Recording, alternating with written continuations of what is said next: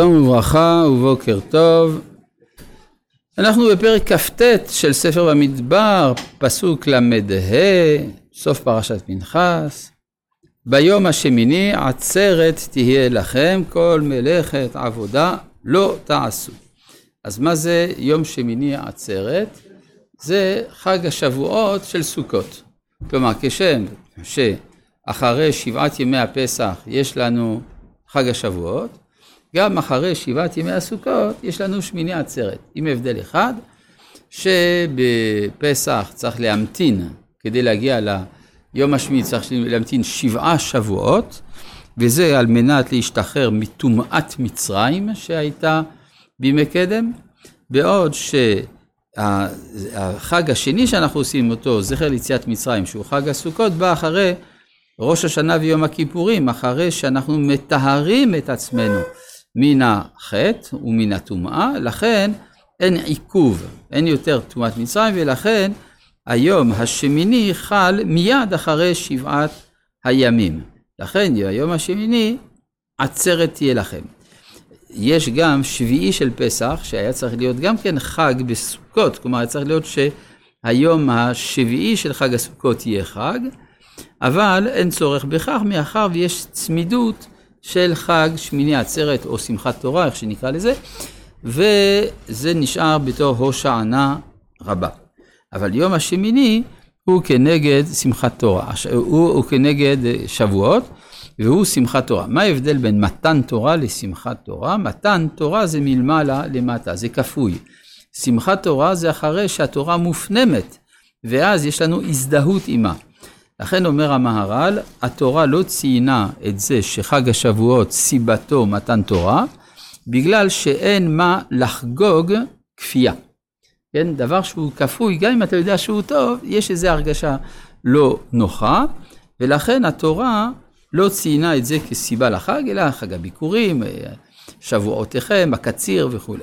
בעוד שאחרי שעברנו את כל הזמן מאז חג הפסח, כולל הסילוק של יצר הרע מליבו של האדם, יש הזדהות עם התורה, ולכן יש גם שמחת תורה, כינוי שניתן לחג הזה בתקופה די מאוחרת, בתקופת הראשונים, אולי סוף תקופת הגאונים.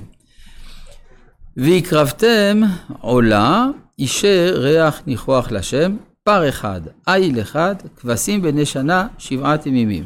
אז כבר ציינו שזה זהה לקורבן מוסף של ראש השנה, ויום הכיפורים, שזה אומר שגם פה יש השלמה של התהליך של התשובה בשלושת הראשים שלו, על ידי האהבה בראש השנה, היראה ביום הכיפורים והשמחה בשמחת תורה, כנגד שלושה יצרים של שפיכות דמים, גילוי הרי... אה, עבודה זרה וגילוי עריות. כאשר גוברים גם על יצרא דאריות, יש שמחה מיוחדת, רואים את זה בכל התיאורים של שמחת בית השואבה, שהן במשנה והן בגמרא, שהכל שמה רומז להתגברות על יצרא דאריות, ולכן שמה השמחה היא שמחה יתרה. ויקרב אה, מנחתם ונזקיהם לפר, לעיל ולכבשים במספרם כמשפט, ושעיר חטאת אחד, מלבד עולת התמיד ומלכתה ונזקה. טוב, זה דברים שראינו בכל המוספים. אלה תעשו להשם במועדיכם, לבד מנדריכם ונדבותיכם, לעולותיכם ומלכותיכם ונזקיכם ולשלמיכם. מה זה הסיפור הזה? מה זה אלה? כל מקום שכתב אלה, אלה ולא יותר. זאת אומרת שאי אפשר להוסיף עוד קורבנות. בעוד שלמשל עוד מועדים, ראינו בסוף פרשת אמור שאפשר להוסיף מועדים, וזה נרמז ב"וידבר משה את מועדי השם אל בני ישראל". כאן לגבי הקורבנות, אין תוספת קורבנות, אלה תעשו להשם במועדיכם לבד מנדריכם ומנדבותיכם. נדר ונדבה, אדם הרי מגיע למקדש, הוא אומר, אם כבר אני מגיע למקדש, זה גם הזמן להביא את הנדרים והנדבות. נכון שאפשר כל השנה להביא נדר או נדבה, אבל אה, בדרך כלל זה קורה בזמן שממילא אדם עולה לרגל. מה ההבדל בין נדר לנדבה? הקדושה נתפסת מיד או רק אחרי ההבאה למקדש. זה ההבדל בין נדר לנדבה. ואז מה אפשר להביא בתור נדבה? עולותיכם, מנחותיכם, נזקיכם ולשלמיכם, כן? כלומר, אפשר להביא עולה ומנחה ונסך, כל אלה הם קרבים על גבי המזבח, ולא נאכלים על ידי הבעלים, ולשלמיכם נאכלים גם על ידי הבעלים. ויאמר משה, התיקון גדול שעשו, שם יש גם העניין של הכותונות ושל הנערים שם, שהיו אה, עושים מה, מהכותונות שלהם ומהמכנסיים של הכוהנים, היו עושים את הפתילות. בסדר?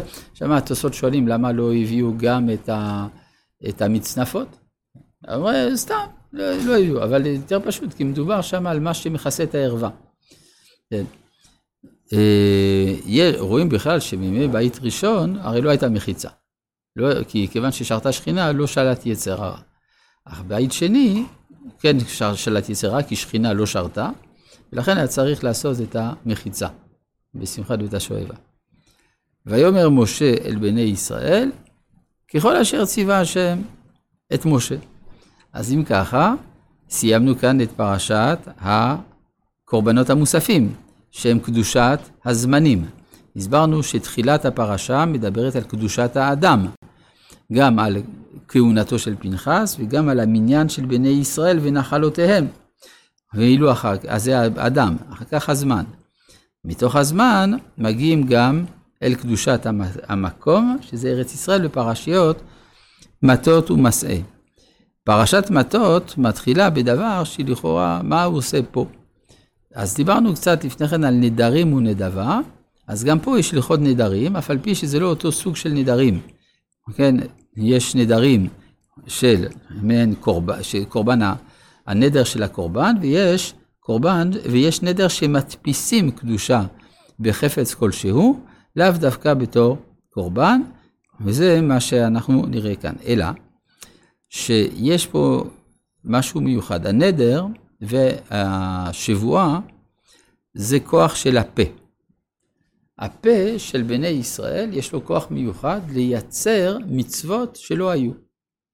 למשל אדם אה, נשבע שהוא יאכל בננות, אז יש לו מצוות עשה לאכול בננה, מצווה שלא כתובה בתורה, לא כתוב בתורה ואכלת בננות.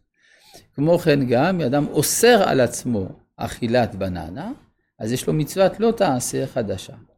הוא יכול גם לבטל מצוות עשה. למשל, אם אדם יאמר שתפילין אסורים עליו כקורבן, אז אסור לו להניח תפילין, כך שהוא מבטל מצוות עשה.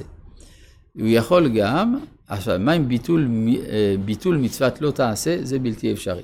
אבל בכל זאת יש לנו שלושה תחומים שבהם יש הרחבה על ידי פיו של אדם לייצר תורה. וזה הבחינה המיוחדת של ארץ ישראל, שלפי הקבלה היא מקבילה לספירת המלכות, שהיא המקבילה לפה באדם. מלכות, פה. תורה שבעל פה קרינן לה, והתורה שבעל פה בכל תוקפה זה היכולת של האדם לחדש לעצמו חיובים שלא היו מקודם. וידבר משה אל ראשי המטות, לבני ישראל, לאמור, זה הדבר שציוונו השם. נשאלת השאלה, למה הוא צריך לפנות לראשי המטות? לפני, קודם כל, הביטוי הרגיל זה זקני ישראל, או אל כל עדת בני ישראל, או בכלל בני ישראל. כאן יש לנו פנייה דווקא אל ראשי המטות. הרב אשכנזי היה מסביר שכדי לדעת אם uh, הנדר היה רציני או לא היה רציני, כי הרי מדובר פה רמז להתרת נדרים, צריך בשביל זה להיות מהמשפחה. אם אתה לא מכיר את המנטליות של האדם, אתה לא תוכל להבין למה הוא התכוון.